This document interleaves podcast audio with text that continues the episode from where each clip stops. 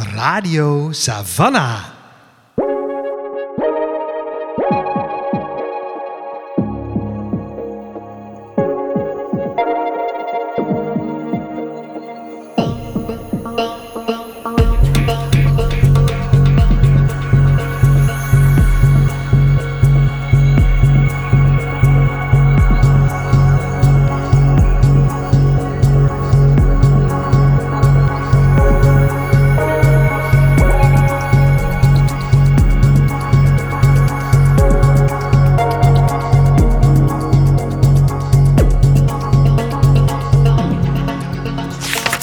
Allemaal en welkom bij een nieuwe aflevering van Radio Savannah, de podcast van boekhandel Savannah W.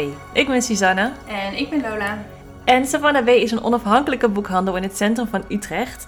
Wij zijn gespecialiseerd in feministische literatuur. Voor ons wil dat zoveel zeggen als literatuur op het snijvlak van gender, queerness, postkolonial en het klimaat. En deze week duiken wij de Franse literatuur in. Oef. Beetje out of character misschien voor ons. Ja, Maar inderdaad. Wij lazen eh, het boek wat een- in 2019 een hit was in de Franse literaire wereld. Het Bal der Gekken van Victoria Mas. Ja, ik heb het idee eh, best wel, eh nou ja, groots aangekondigd. Het is misschien een beetje groot woord. Maar toch, het kwam toch wel binnen. Ik dacht van, oh, dit gaat een hit worden. En het is eigenlijk een beetje onder de radar gebleven, Ja, ik heb er niet heel veel over gehoord. is bijna niemand in de winkel die ernaar komt vragen. Ehm, maar wij dachten, het is toch eigenlijk wel een heel mooi van een B-boek. We willen het graag toch even in het eh, zonnetje zetten. Dus bij deze. Voordat we eh, het boek induiken, even wat context over eh, het Bal der Gekken of The Mad Woman's Ball of, of Le Bal des Folles. Geschreven door Victoria Mas. Dit is haar debuut. Het boek kwam in 2019 in Frankrijk uit en dit jaar in 2021 in Nederlands vertaling bij uitgeverij Spectrum. En de vertaling is van de hand van Andreas Dijkzeul. In Frankrijk heeft het boek eh, diverse literaire prijzen gewonnen en is, was het echt het bestseller debuut van, van het jaar. Eh, en eh, het boek wordt verfilmd. Ja? In, ja, volgens waarschijnlijk dit jaar, in elk geval in de nabije toekomst. Dus dat is ook iets om nou ja, wellicht naar uit te kijken. Het verhaal speelt zich af in de 19e eeuw en gaat over de inrichting, het ziekenhuis, La Salpêtrière. Eh, het groot eh Parijs ziekenhuis waar psychiatrische patiënten opgenomen worden. Mhm. En daar, eh, daar, daar speelt dit verhaal zich af. Ehm, voordat we echt, echt het boek induiken, is het denk ik goed om eventjes eh, erbij stil te staan dat in dit boek ja, over die patiënten gepraat wordt in termen die we nu niet meer zullen gebruik, zouden gebruiken. Mhm. Uh, maar die de- destijds, ehm, ja, waarmee, waarmee mensen destijds aangesproken werden.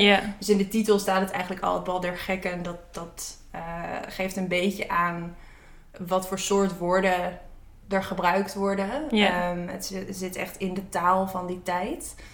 Ehm, dus weet dat van tevoren, houd daar rekening mee. Ja. En, eh, wij zullen het nu verder niet, eh, niet doen, maar...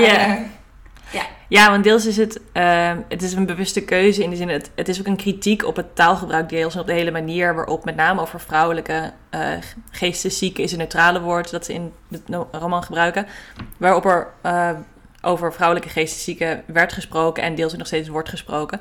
Dus het is een bewuste keuze en er is ook interessante kritische noot in te vinden. Maar als je nou denkt, ik heb even geen behoefte aan die woorden in mijn eh, lezen, ja, weet Laat- dan dat dat in het boek wel heel veel voorkomt. ja, ja, precies. Dit boek speelt zich dus af in het Salpêtrière ziekenhuis in Parijs. Ehm, en een van de eerste dingen die je zult doen als je dit boek leest, is na de eerste paar pagina's even gaan googlen of dit allemaal echt gebeurd is. Eh, want dat is wel een interessante dimensie aan dit boek. Het neemt een bepaalde historische periode uit de klinische eh, gezondheidszorg eigenlijk. En eh, duikt daar helemaal in. En dan is het, het verhaal dat zich daar afspeelt is fictief. Maar dit ziekenhuis heeft echt bestaan, bestaat nog steeds. Is nu eh, het grootste ziekenhuis van Frankrijk en heeft een hele geschiedenis gehad. Eh, en dit, eh, deze roman die speelt zich af in een bepaalde periode in dat ziekenhuis, in 1885. Ehm, En het gaat heel erg in op de, de manier waarop met name vrouwen in die periode gemedicaliseerd werden. En deels nog steeds worden nu. Ja, ja, en het zoomt eigenlijk in op, op een soort van de, eh, ja, de beginpunten van de eh, geestelijke gezondheidszorg zoals we die nu kennen. Ja, Eh, en en waar, dat, waar die dus ook op gebouwd is. ja, ja. Meer specifiek, het, ehm, het verhaal zoomt in op de, de carrière eigenlijk van één bepaalde dokter. Jean-Martin Charcot, die leefde van 1825 tot 1893. Ehm, die in de geschiedenisboeken in is gegaan als een van de grondleggers van de moderne neurologie en ehm, neurologische eh, gezondheidszorg. Ehm, en wat er dus gebeurde eh, in dit, dit ziekenhuis, eh, is dat er waren alleen vrouwelijke patiënten die opgenomen werden in dit ziekenhuis. En Charcot en met hem om hem heen een hele groep andere dokters en leerlingdokters waren eigenlijk deels aan het experimenteren met deze vrouwelijke patiënten. Eh, met nieuwe soorten, om soort van nieuwe filosofieën en theorieën over gezondheidszorg uit te testen en verschillende methodes om dat te genezen uit te testen. En een deel daarvan is ehm, ook zijn, zijn publieke ehm, colleges die hij gaf, waarbij hij soort demonstraties deed van ehm, de, ja, de, de kwalen van, van deze vrouwelijke patiënten en hoe hij met zijn nieuwe experimentele methodes deze vrouwen wilde genezen. Dus er zit deels een wetenschappelijke dimensie in, deels ook een heel ja, perverse soort van publieke sensationaliteit rond deze, deze eh, ziekteverschijnselen die Charcot aan het, eh, aan het behandelen was in zijn ziekenhuis. Ja. Ja, en Charcot was, was dus een heel bekend en, en bij vrouwen misschien ook wel deels berucht man in zijn tijd. Echt een Mhm. soort van ja, eh, beroemdheid in de Parijse eh, wereld. Dus hij werd aan de ene kant door studenten eh, en deels ook wel door zijn staf en door de mensen in het ziekenhuis de, op handen gedragen. Mhm. Maar er heerste ook een bepaalde angst, terwijl die ook de personages in het boek wel, wel erkennen van, oh, als je door hem behandeld moet worden, dan, Ja, dan ben je de sjaak en dan lig je uit de samenleving en dan, en dan eh, ja, daar kom je niet meer uit, zeg maar. ja, want dit boek is niet zozeer geïnteresseerd in medische geschiedenis of medische behandelmethoden. Het is niet dat dit boek heel erg ingaat op, goh, wat zijn de wetenschappelijke achtergronden daarvan? En als je geïnteresseerd bent in ehm, andere dokters of, of geneesheren, zeg maar, uit die periode, die ook voorkomen hierin. Zoals Freud, zoals Gilles de la Tourette. Een heel aantal mensen die ook ik als niet eh, geneeskundige zeg maar, wel gewoon ken. Die komen hierin voor. Het boek is niet per se geïnteresseerd in hun verhaal of in hun Nee. theorieën. Het boek gaat heel erg over de impact van deze ja, geneeskunde, of deze gezondheidszorg, deze vorm van gezondheidszorg, op de vrouwelijke patiënten die hier ja, echt het object van studie waren. En ook echt tot objecten gemaakt werden Ja. in, dit, eh, in deze inrichting. Ja, en die niet gehoord werden Nee. eh, door, door wie dan ook eigenlijk. Ja, Ehm, ja, Ja, dus het is deels heel erg. Nee, het is voornamelijk eigenlijk een boek over wat het betekent om tot patiënt gemaakt te worden binnen deze specifieke historische context. Ja. Ja, en ook hoe, eh, we gaan zo nog even vertellen over welke personages er allemaal in zitten, maar hoe, je, hoe het is om mee te draaien in zo'n, in zo'n systeem met zo'n beroemde ja, alleenheerser, zeg maar, die aan het roer staat van, van die afdeling in dat ziekenhuis. En ehm, ja, er, de, hoe, hoe, hoe je daar dan ook professioneel je in beweegt als vrouw, als zorgverlener. Ja, en het boek is met name. Het is gewoon een best wel. Het boek neemt je heel erg mee en je, je, ehm, je krijgt heel veel mee van de beleving van deze vrouw in die richting. Dus het is deels een emotionele soort van read. Maar er zit ook gewoon een interessante historische dimensie aan. Omdat je, ja, ik denk, ik neem aan dat iedereen dit gaat doen. Toch de hele tijd gaat googlen van, maar hoe zat dat dan? En, Ja. en dan kom je er ook achter, inderdaad, het ziekenhuis heeft echt bestaan. Deze dokters hebben echt bestaan. Deze, dit ziekenhuis heeft nog een hele geschiedenis voor deze periode. En bestaat die dus nog steeds. Ehm, dus er zit een hele interessante vermenging van feit en fictie eh, in dit boek. Of Ja. je nou geïnteresseerd bent in geschiedenis, of in gezondheidszorg, of in de vrouwenbeweging. Daar kun je allemaal interessante historische lijntjes vinden. Ja, ja en het, eh, wat me nog opviel aan het boek is dat er niet nog een soort van een nawoord of verantwoording of zo in zit. Dus het laat die mogelijkheid echt bij jou. En bijvoorbeeld iets als hysterie, daar is natuurlijk ontzettend veel over geschreven. En, en daar de, allerlei lezingen van hoe dat als ziektebeeld in het leven werd geroepen om, om vrouwen eh, te beteugelen en in controle te houden.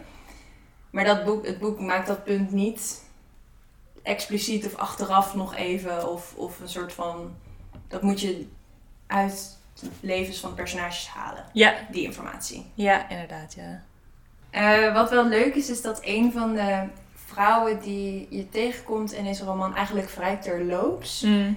Eh, is Jane Avril. En zij, was, eh, zij heeft echt bestaan en zij was een eh, danseres. Mhm. En onder andere in de Moulin Rouge. En zij heeft dus voordat zij als danseres bekend werd in eh La Salpêtrière gezeten. En is daaruit ontslagen op een gegeven moment omdat zij genezen werd verklaard. En zij fungeert dus eigenlijk als een soort succesverhaal van Mm. van het ziekenhuis. En ook wel iemand die nou, laat zien wat, wat voor soort vrouwen er met name patiënt waren of opgenomen werden of opgesloten werden in dat ziekenhuis. Eh, dus vaak vrouwen die in armoede leefden in de lagere sociale eh, klasse. Vrouwen eh, die, die sekswerk deden, vrouwen die op allerlei diverse manieren trauma's hebben opgelopen. Ja. en daar natuurlijk nooit adequate hulp of wat dan ook, erkenning van hebben gekregen. En eh, op een gegeven moment eh, ja, in het ziekenhuis terechtkwamen. ja, Criminele vrouwen, vrouwen die hun eh, vreemdgaande echtgenoot vermoorden, onder andere. in de scène duwde. Ja. Ehm, ja, en, en Jane Avril is dus een, is dus een real-life voorbeeld Ja. daarvan. En dus ook van een van de weinige vrouwen eigenlijk die het ziekenhuis verlaten heeft en nog eh, ja, een hele carrière voor zich heeft gebouwd. Ja, want Jane Avril eh, her- wist ik nog van toen ik als 20-jarige met grote ogen door Parijs liep en, en de schilderijen van eh, Toulouse-Lautrec eh, bewonderde, waar zij heel veel eh, als muze voor, voor heeft gediend. Ehm, maar dus dat is de, eigenlijk de enige vrouwelijke personage die ik herkende uit de geschiedenisboeken. En dit is deels natuurlijk ook tragisch, omdat deze hele geschiedenis. ehm, we kennen eigenlijk alleen nog de mannennamen uit deze geschiedenis. Ehm, dus we kennen deze dokters nog, we, kennen nog de mannen die dit eh, ziekenhuis hebben gefinancierd, opgebouwd, daar een carrière op hebben gebouwd. En we kennen eigenlijk niet de namen van alle vrouwen die hierin terechtgekomen zijn en tot object gemaakt zijn, gemedicaliseerd zijn, totdat ze niet meer ehm, ja, als mens behandeld hoefden te worden Mhm. en volledig als een soort ja, onderzoeksobject kunnen functioneren voor deze mannelijke artsen die hier hun, hun faam en carrière op baseerden. Dus deels is het heel triest dat alleen eh Jeanne Avril hier nog herkenbaar als is. De enige vrouw die hier juist uit is gekomen. En daarna als muze voor een mannelijke artiest, die we ook weer kennen, heeft kunnen functioneren. Dus er zit wel een, een tragische noot in. Maar dat is eigenlijk juist het hele project van dit boek. Om deze vrouwen wel een gezicht te geven, een verhaal te geven, persoonlijkheid te geven, ambities en dromen en wensen en angsten Ja. te geven. Ja. Ja, en ook om, om te laten zien hoe, hoe verschillend eigenlijk hun ervaringen allemaal waren. En waarom ze dan, bedoel, ze zijn er uiteindelijk, eh, ik denk 99% door mannen Mm, eh, naar het ziekenhuis gebracht en opgesloten. Dus dat is de gemene deler. Maar de, ja, de, ze hebben zulke verschillende levenspaden en ervaringen Ja. die, die ertoe geleid hebben dat eh, de mannen in hun omgeving het blijkbaar nodig vonden om ze op te laten nemen. ja, En ondertussen zitten ze allemaal op dezelfde afdeling met eigenlijk hele uiteenlopende ja, verhalen en eh, ja. in sommige gevallen klachten. Ja, inderdaad, ja. Dus het is in die zin ook een heel erg een soort eh, vergeten geschiedenis Ja, en een stem geven aan eh ongehoorden en, en zo'n project. Twee soort van belangrijkste personages. Mhm. Dat zijn eh Geneviève en Eugénie.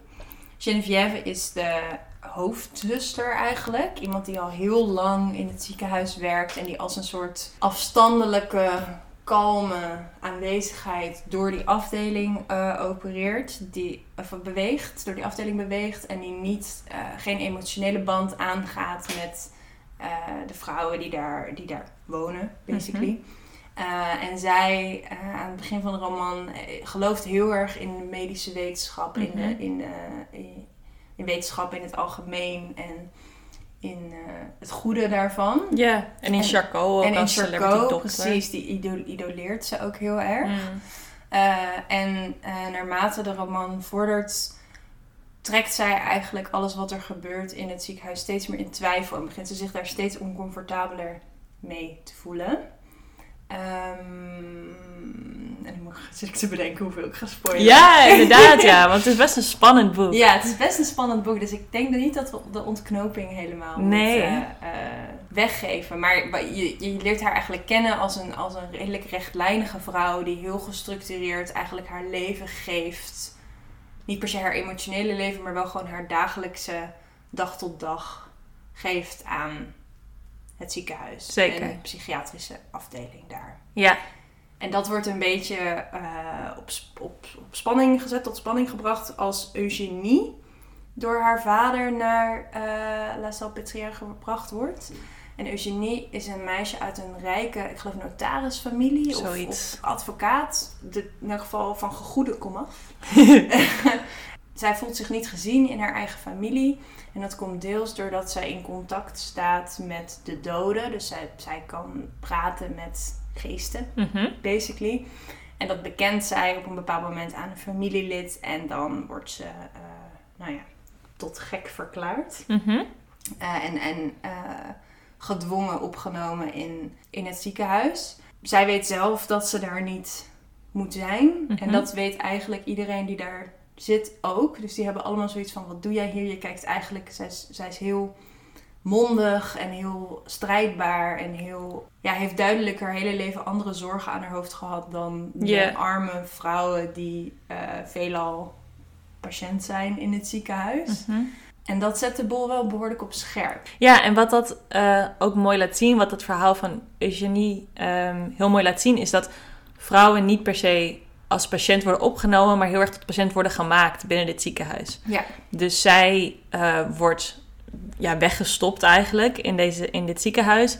Ehm, en ze begint daar. eh, vanaf het moment dat zij er is, is er voor eigenlijk iedereen duidelijk van: Goh, waarom, waarom ben jij hier? Ja. Je bent niet alleen eh, geestelijk gezond, maar je bent ook duidelijk van goede komaf. En je zit helemaal netjes in je kleren en je praat precies goed. Dus waarom ben je hier? En je ziet daar heel snel al hoe, deze, hoe de structuur van deze inrichting en de manier waarop ze behandeld wordt door de verschillende mannelijke artsen haar steeds meer tot een patiënt maken die herkenbaar is als patiënt. Waardoor niet alleen de dokters, maar ook haar medepatiënten op een gegeven moment denken van... ach god, nu, nu ben je inderdaad medepatiënt, inderdaad.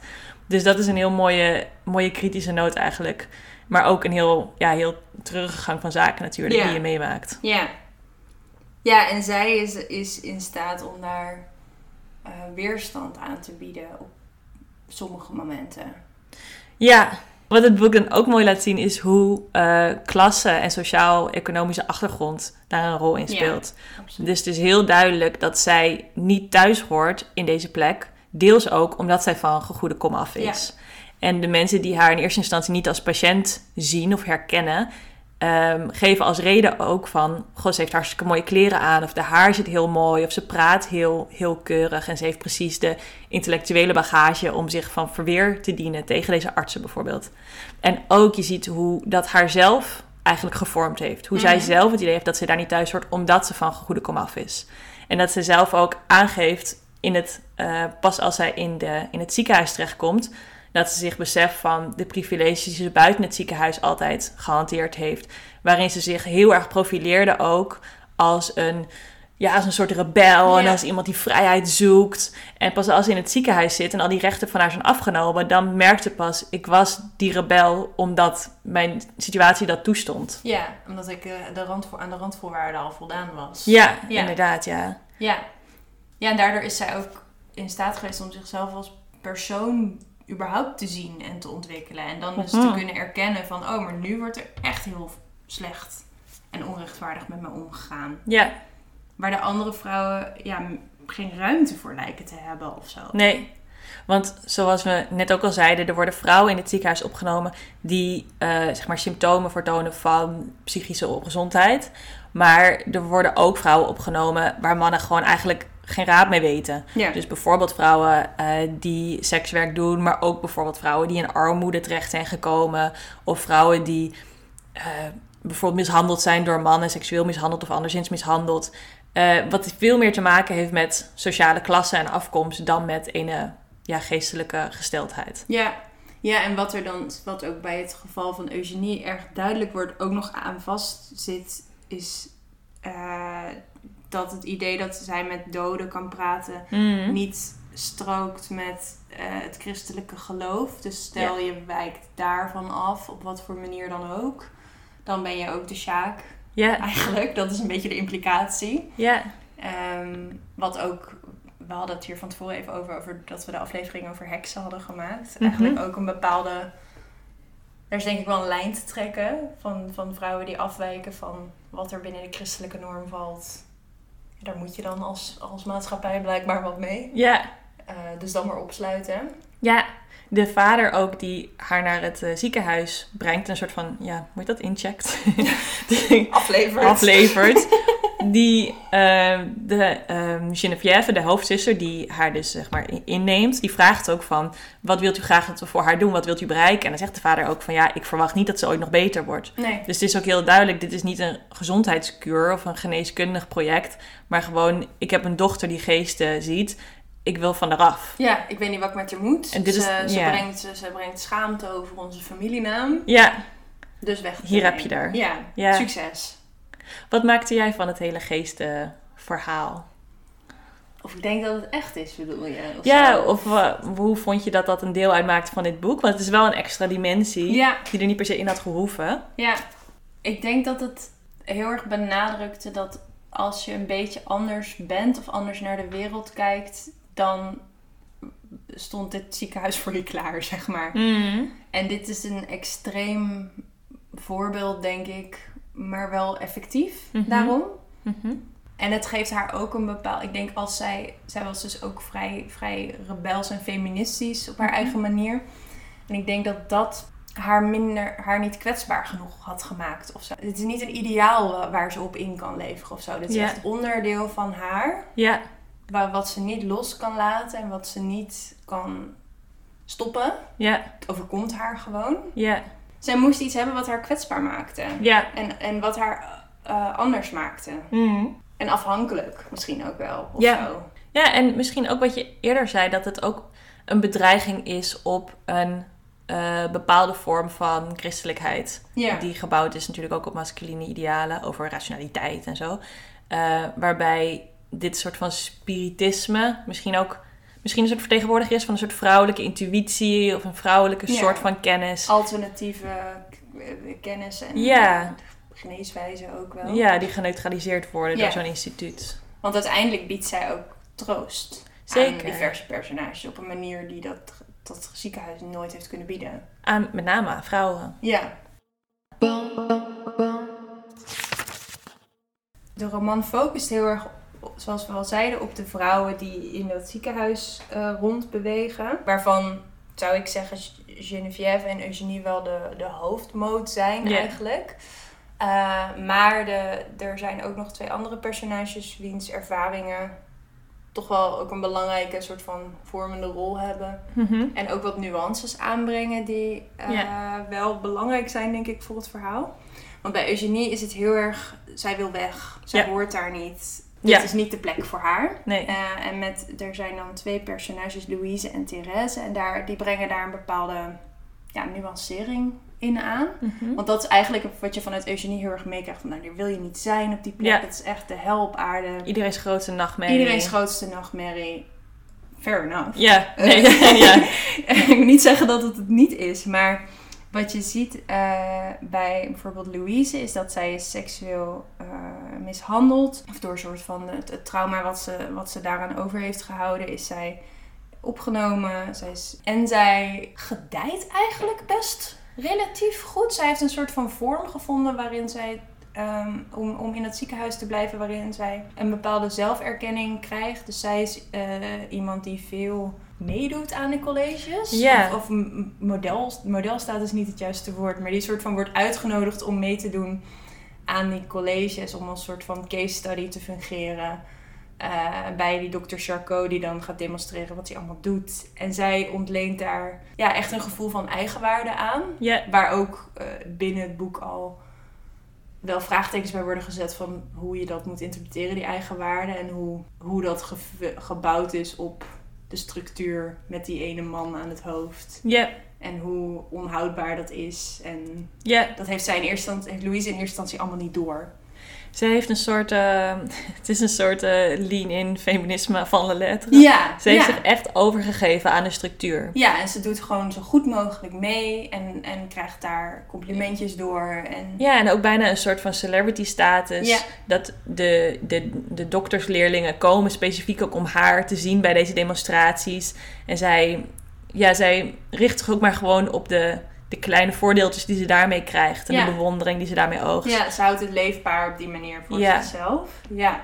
En dat is natuurlijk als lezer zie je heel goed in hoe triest dat is. En hoeveel ze opgeeft voor die hele kleine eh, ja, voordelen die ze, er, die ze ervan krijgt. Ja, of die zij zo ervaart. Want, Ja. ja. Ja, Als inderdaad. lezer stel je, zet je daar eigenlijk meteen vraagtekens bij. Ja, maar het is inderdaad een manier die het, om om te gaan met deze situatie die het boekje aanreikt. Ja, In tegenstelling tot Eugenie die zich met hand en tand verzet. verzet. Ja, en dan de, de vierde stem eigenlijk die we krijgen is Therese. Een vrouw die al twintig jaar in eh, het ziekenhuis zit. Omdat ze haar man in de scène heeft ge, eh, gedropt.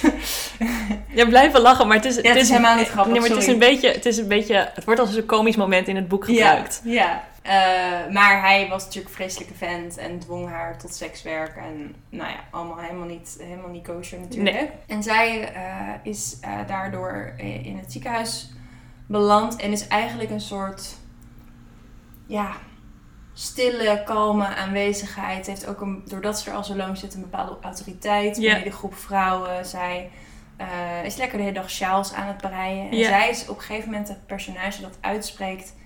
Ik vind het wel best hier. Ja, Die wereld daarbuiten eh, is voor mij ontzettend gevaarlijk, ontzettend beangstigend. Ik kan mezelf daar niet zijn. Ik weet niet wat ik met mezelf aan moet. En ik kan er eigenlijk vanuit gaan dat ik, ehm, zodra ik buiten deze muren stap, weer ontzettend ongelukkig ga worden. ja, Dus dit is voor mij een hele troostrijke, ja, relatief warme plek. In een wereld waar voor haar heel weinig warme plekken zijn. ja.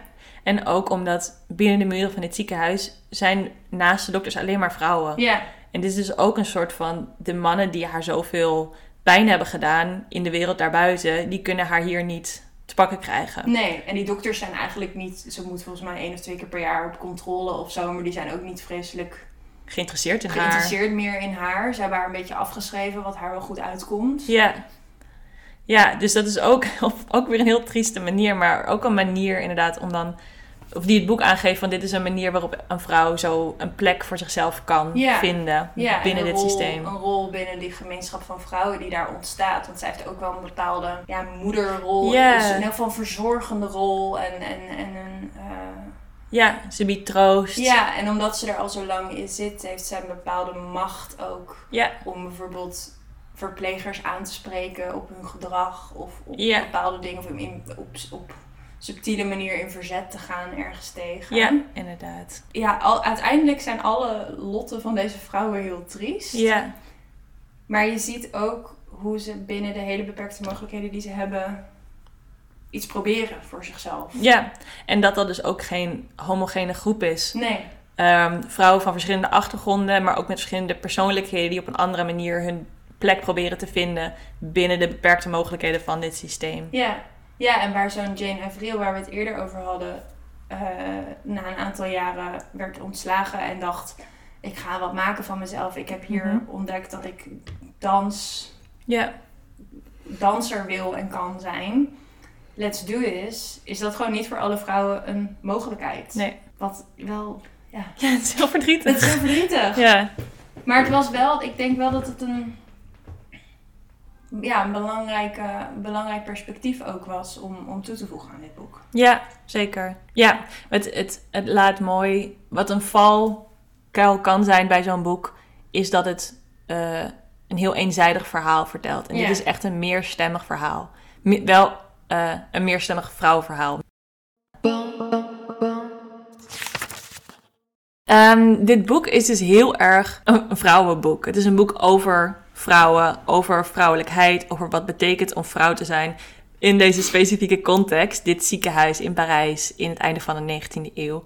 Het is ook heel erg een vrouwenboek dat het gaat niet alleen maar over hoe mannen naar vrouwen keken en kijken, maar ook heel erg hoe vrouwen zich tot elkaar verhouden. Dus het idee van ehm, mannen versus vrouwen, zeg maar, is een soort leidende draad in dit hele boek. Ehm, een interessante ehm, uitkomst daarvan ook is dat het idee van vrouwelijke solidariteit eh, heel belangrijk is. En eigenlijk het hele boek door een soort van kernwaarde is van dit hele boek.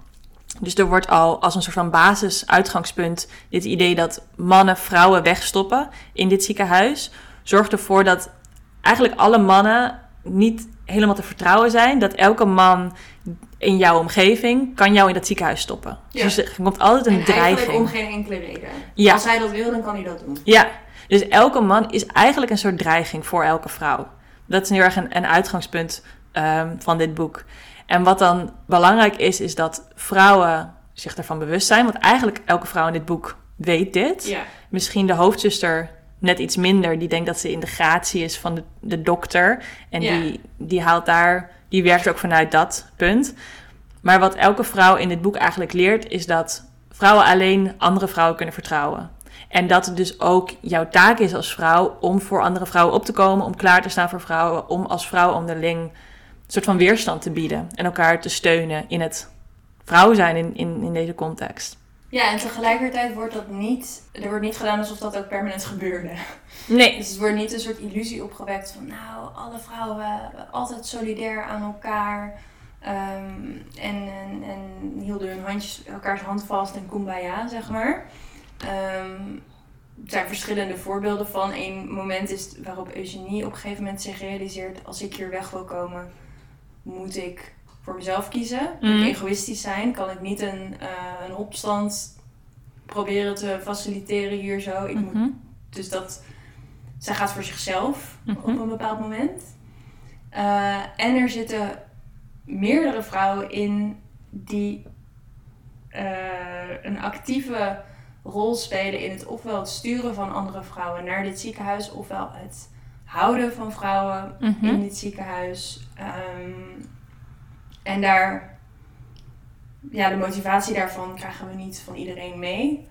Maar die er dus wel ook een, een, een actieve bijdrage leveren aan het laten voortbestaan van dit systeem. Ja, want dat is een van de, de meest... Nou ja, er zit heel veel tragiek in dit boek. Maar een van de meest tragische punten is de manier waarop vrouwen tegen elkaar uitgespeeld worden ook. Ja, Dus we zien dat bijvoorbeeld bij eh Geneviève, die hoofdzuster is, die heel erg ehm, in, de, in de ban is van het idee dat als ik meewerk in dit mannelijk wetenschappelijk project, dan kan ik daar ook een beetje deel van uitmaken.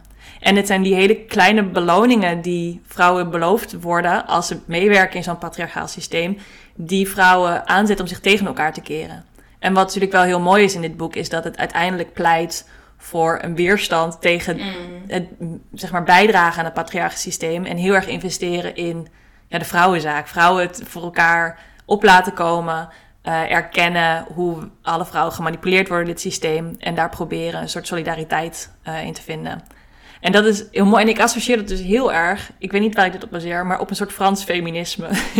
Die volgens mij, van wat ik weet van de, van de Franse feministische literatuur, literatuur van de laatste jaren, heel erg insteekt in het idee van de vrouwenzaak en mannen tegenover vrouwen. En dat is, deels is daar natuurlijk eh, heel veel op aan te merken. We kunnen veel genuanceerder nadenken, überhaupt over het idee van vrouwen en mannen als essentialistische termen.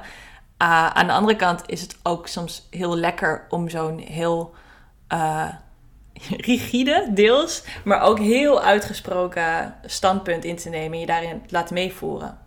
Eh, en het zet je wel aan, soms ook omdat het zo cru wordt geformuleerd of zo rechtlijnig wordt geformuleerd, zet ik je heel erg aan om er, om er ook mee aan de slag te gaan. Je kan het niet zomaar naast je neerleggen, dit verhaal over vrouwelijke solidariteit in dit boek. Ja. Ja, en ook hoe gecompliceerd het is. Ja, En dat het soms niet lukt. klopt. En dat soms eh, vrouwen ook gewoon heel gemeen zijn tegen elkaar. Ja. En elkaar onrecht aandoen. Ja.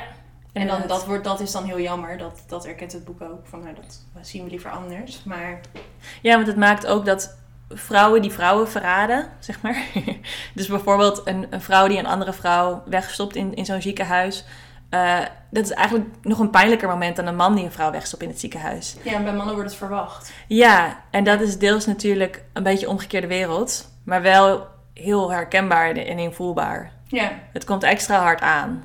ja als iemand van je eigen gemeenschap... Ja, met wie je een bepaalde solidariteit denkt te delen. Per definitie. ja kiest voor, de vijand. Ja, ja, ja, want dat is wel heel erg hoe er over mannen in het algemeen... Mannen zijn de vijand in dit boek. ja. Ja, er is één semi-acceptabele man. Maar Ja, eigenlijk ook een beetje een slappe lul. heel erg. Ja. Daar we het op houden. Ja, dus het is wel, het is een heel, het is een boek met een heel stellige visie op Ja. feminisme, vrouwelijkheid, mannelijkheid, solidariteit, de vrouwenzaak, et cetera. Ja. Ja. Ja, en wat is recht en wat is onrecht. Ja, Ja. maar ik denk wel, dit boek is heel goed te lezen als je het daar niet helemaal in kan vinden. Ehm, maar het is wel iets waar je niet omheen kan in dit boek. Ja. Ja, en ik denk omdat het een historisch boek is. Hmm. eh, het is natuurlijk nu geschreven, maar het is, ik, die standpunten zijn ook wel in de tijd te plaatsen. In die zin dat je ze door dit boek heel goed begrijpt. Ja. Want er staat op een gegeven moment, ik heb een quote. Ik heb een quote. Er staat hier, de meeste patiënten zijn hier door mannen naartoe gebracht, door degene wie's naam zij droegen. Dat is wel het droevigste lot. Zonder man, zonder vader is er geen enkele hulp meer. Wordt er geen enkele aandacht meer besteed aan hun bestaan. Ja. En dit, is dus, dit speelt zich af in een tijd waarin vrouwen gewoon niks waren zonder een man.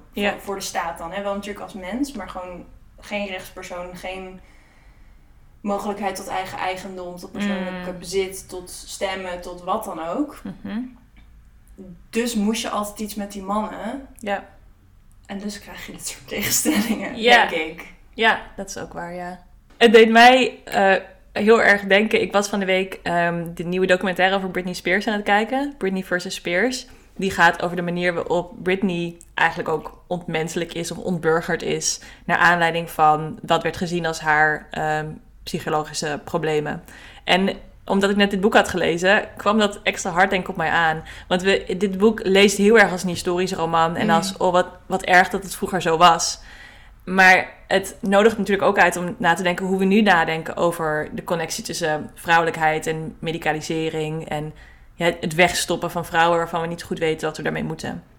Britney Spears is daar een voorbeeld van, maar er zijn natuurlijk heel veel voorbeelden van te vinden. Ja, en het, het nemen van beslissingen over lichamen van vrouwen. En, Ja. en het, eh, dat- ja, er zijn genoeg voorbeelden natuurlijk te noemen. Ja, en ook de manier waarop we voor eigenlijk is heel veel eh, lichamelijke en, en psychische fenomenen die we met vrouwen verbinden als een probleem ervaren. Dus als we zwangere vrouwen met een zwangerschapsvergetendheid en zwangerschapsgekte en de manier waarop vrouwen die ongesteld zijn en dan eh, niet voor reden vatbaar zijn, worden, ja, worden weggezet ook eigenlijk. Het gebeurt natuurlijk nog zo op grote schaal. Ja. Ja, en wat het ook, eh, eh, waar dit boek ook wel heel erg op hamert, is de machteloosheid die je kan Mm. ervaren als patiënt. Wat denk ik nog steeds vaak zo is. Tenzij je zoals Eugenie mondig bent, zelfverzekerd, eh, misschien bepaalde kennis hebt. Rijk opgeleid. Rijk, met een, met, een, met een goede educatie. En dat vond ik wel heel erg herkenbaar van, van verhalen die je hoort van mensen die met wat voor ziekteverschijnsel of wat dan ook de, de, de psychische of de lichamelijke gezondheidszorg ingaan. Ik, er zijn talloze verhalen te noemen waar mensen eh, zeggen, nou als ik niet had opgelet was er dit of dit of dat gebeurd. Of, en ineens werd er over me heen geluld en zat ik in een traject waar ik niet in wil. Of werd ik niet gehoord of werd ik niet gezien. Of eh, noemde ik klachten bij een arts eh, die niet serieus genomen werden. Nou, noem het allemaal maar op. ja. En dat zit wel ook allemaal in dit boek. Ja, er zijn zoveel voorbeelden, hedendaagse voorbeelden van eigenlijk hetzelfde idee dat we in dit boek heel expliciet tegenkomen. Ja, dus allemaal een soort van voortzetting Ja. eigenlijk van, het, van, van de patronen die in dit boek beschreven worden. Ja, er is veel om over na te denken. Over Ja. die connectie tussen vrouwelijkheid, gender in het algemeen, medicalisering als een vorm van wegstoppen, Ja, tot stilte brengen. Mag We- ik nog één, één ding aandragen? Zeker mag je nog één ding Want aandragen. waar we het eigenlijk niet over gehad hebben, dat, ehm, we hebben het eigenlijk niet over het bal zelf gehad. Oh ja. En dat is nog wel, denk ik, belangrijk om daar even een klein beetje bij stil te staan. Ja. Want dat is waar eh, eh, het boek eigenlijk naartoe werkt, is dus dit, het, het, het bal uit de titel, het bal der gekken. Ja. Eh, wat een evenement is wat jaarlijks wordt georganiseerd, waarbij de vrouwen uit het ziekenhuis ehm, zich helemaal mogen verkleden en opdoffen. En dan eh, bij een bal mogen zijn, waar vervolgens ehm, mensen uit, eh, met geld uitgenodigd worden om ja, hen te bekijken. Is eigenlijk een beetje de implicatie. Ja. Ehm, het, het, het idee is denk ik om met hen feest te vieren, maar zij zijn natuurlijk gewoon een soort vermaak. Ja. Geobjectificeerd vermaak. ja, het wordt gepresenteerd als een soort carnavalesk gebeuren waarbij de mensen uit de inrichting, de mensen buiten de inrichting op gelijke voet elkaar ontmoeten. En het is een moment van verlichting voor iedereen en wederzijds begrip. Maar het is eigenlijk een soort van, ja, sorry, een soort freakshow. Ja, Waarbij deze patiënten gepareerd worden. Waarbij alle mensen van buiten de inrichting ook soort van hopen dat er iemand een aanval krijgt, zodat ze dat kunnen zien. Het is een heel pervers gebeuren. ja, ja, heel naar. Ja. En ook wel iets wat dus echt bestaan heeft. Hmm. Eh, en daar zijn ook weer boeken over volgeschreven over, over eh, dit soort eh, praktijken. Hmm. Maar dat werkt, dat, dat, ja, is het een uitvergrote versie of een soort van nog overdrevenere versie van de objectificatie van die vrouwen? En de ontmenselijking van die vrouwen. Ja, en ook het, het plezier dat sommige mensen halen uit dat Ja. bedwingen eh, van deze vrouwen. ja, en het idee dat ze dan de deur van het ziekenhuis achter zich dichttrekken en dan Ja. er nooit meer, nooit meer iets mee hoeven en dan kunnen denken, nou, Ja, die zitten daar mooi of zo. Ik weet niet. ja en ook weet een, het deels een soort van gruwelen Ja. over de ziekte en een deels daar plezier halen uit dat gruwelen Ja. daarover. ja, en tegelijkertijd, en dat is heel schrijnend, is het voor de voor veel van de vrouwen echt het Mm. hoogtepunt van hun jaar. Omdat ze eindelijk eh, kunnen dansen en eh, zich even gezien kunnen worden. En dit is dan de enige manier waarop ze ja. gezien kunnen worden op zo'n in een perverse manier. En ook die impuls is natuurlijk een die we nog herkennen vandaag de dag. We zaten net, ehm, we keken net even de trailer voor de verfilming van dit boek. En ja, ik wil, mensen moeten lekker kiezen wat ze willen zien. Maar die trailer riep heel erg het gevoel bij mij op. Het heel erg het gesensationaliseerde eh, plezier wat je kan halen uit het kijken naar mensen in zo'n ontzettend tragische omgeving. Wat dit boek best wel goed navigeert. Ehm, maar wat in de film heel erg eh, uitgesproken lijkt te zijn. Ja, omdat het denk ik in de... fi- Maar bedoel, we hebben het niet gezien, hè? we hebben alleen de trailer gezien. Maar eh, in het boek zit je natuurlijk in het hoofd van deze Ja. mensen. En dat kan in- moeilijk in een film. Dus voor de, per definitie word je toeschouwer. ja. En dan is de vraag hoe een film dat gaat navigeren. Het lijkt niet heel Je erg mede- geslaagd. Ja, het lijkt niet heel erg geslaagd. Je, li- lijkt gewoon dat je medeplichtig wordt gemaakt automatisch aan iets waar ik niet per se medeplichtig aan, aan wil zijn. Nee, en misschien is dat ook een commentaar van Ja. kijk waar we aan bijdragen, waar we nu nog steeds plezier uit halen. Laat het een moment van zelfreflectie zijn. Dat zou kunnen, zo ziet het er niet uit. Nee. Het lijkt precies eigenlijk te doen waar dit boek tegen ageert. Ja. Dus lees lekker het boek. En dan eh, kijk daarna, eh, vorm daarna je eigen mening over, over zowel het boek als de trailer. Yes. Daarmee eh, zijn we aan het eind gekomen van deze aflevering van Radio Savannah. Yes. We zijn er zelf van geschrokken. We ineens klaar.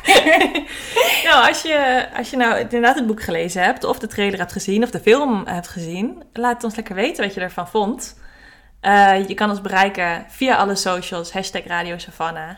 Eh, klets met ons mee over dit boek, over ideeën van medicalisering van vrouwen, van vrouwelijkheid, vrouwelijke solidariteit, et cetera. We hebben het er altijd graag over.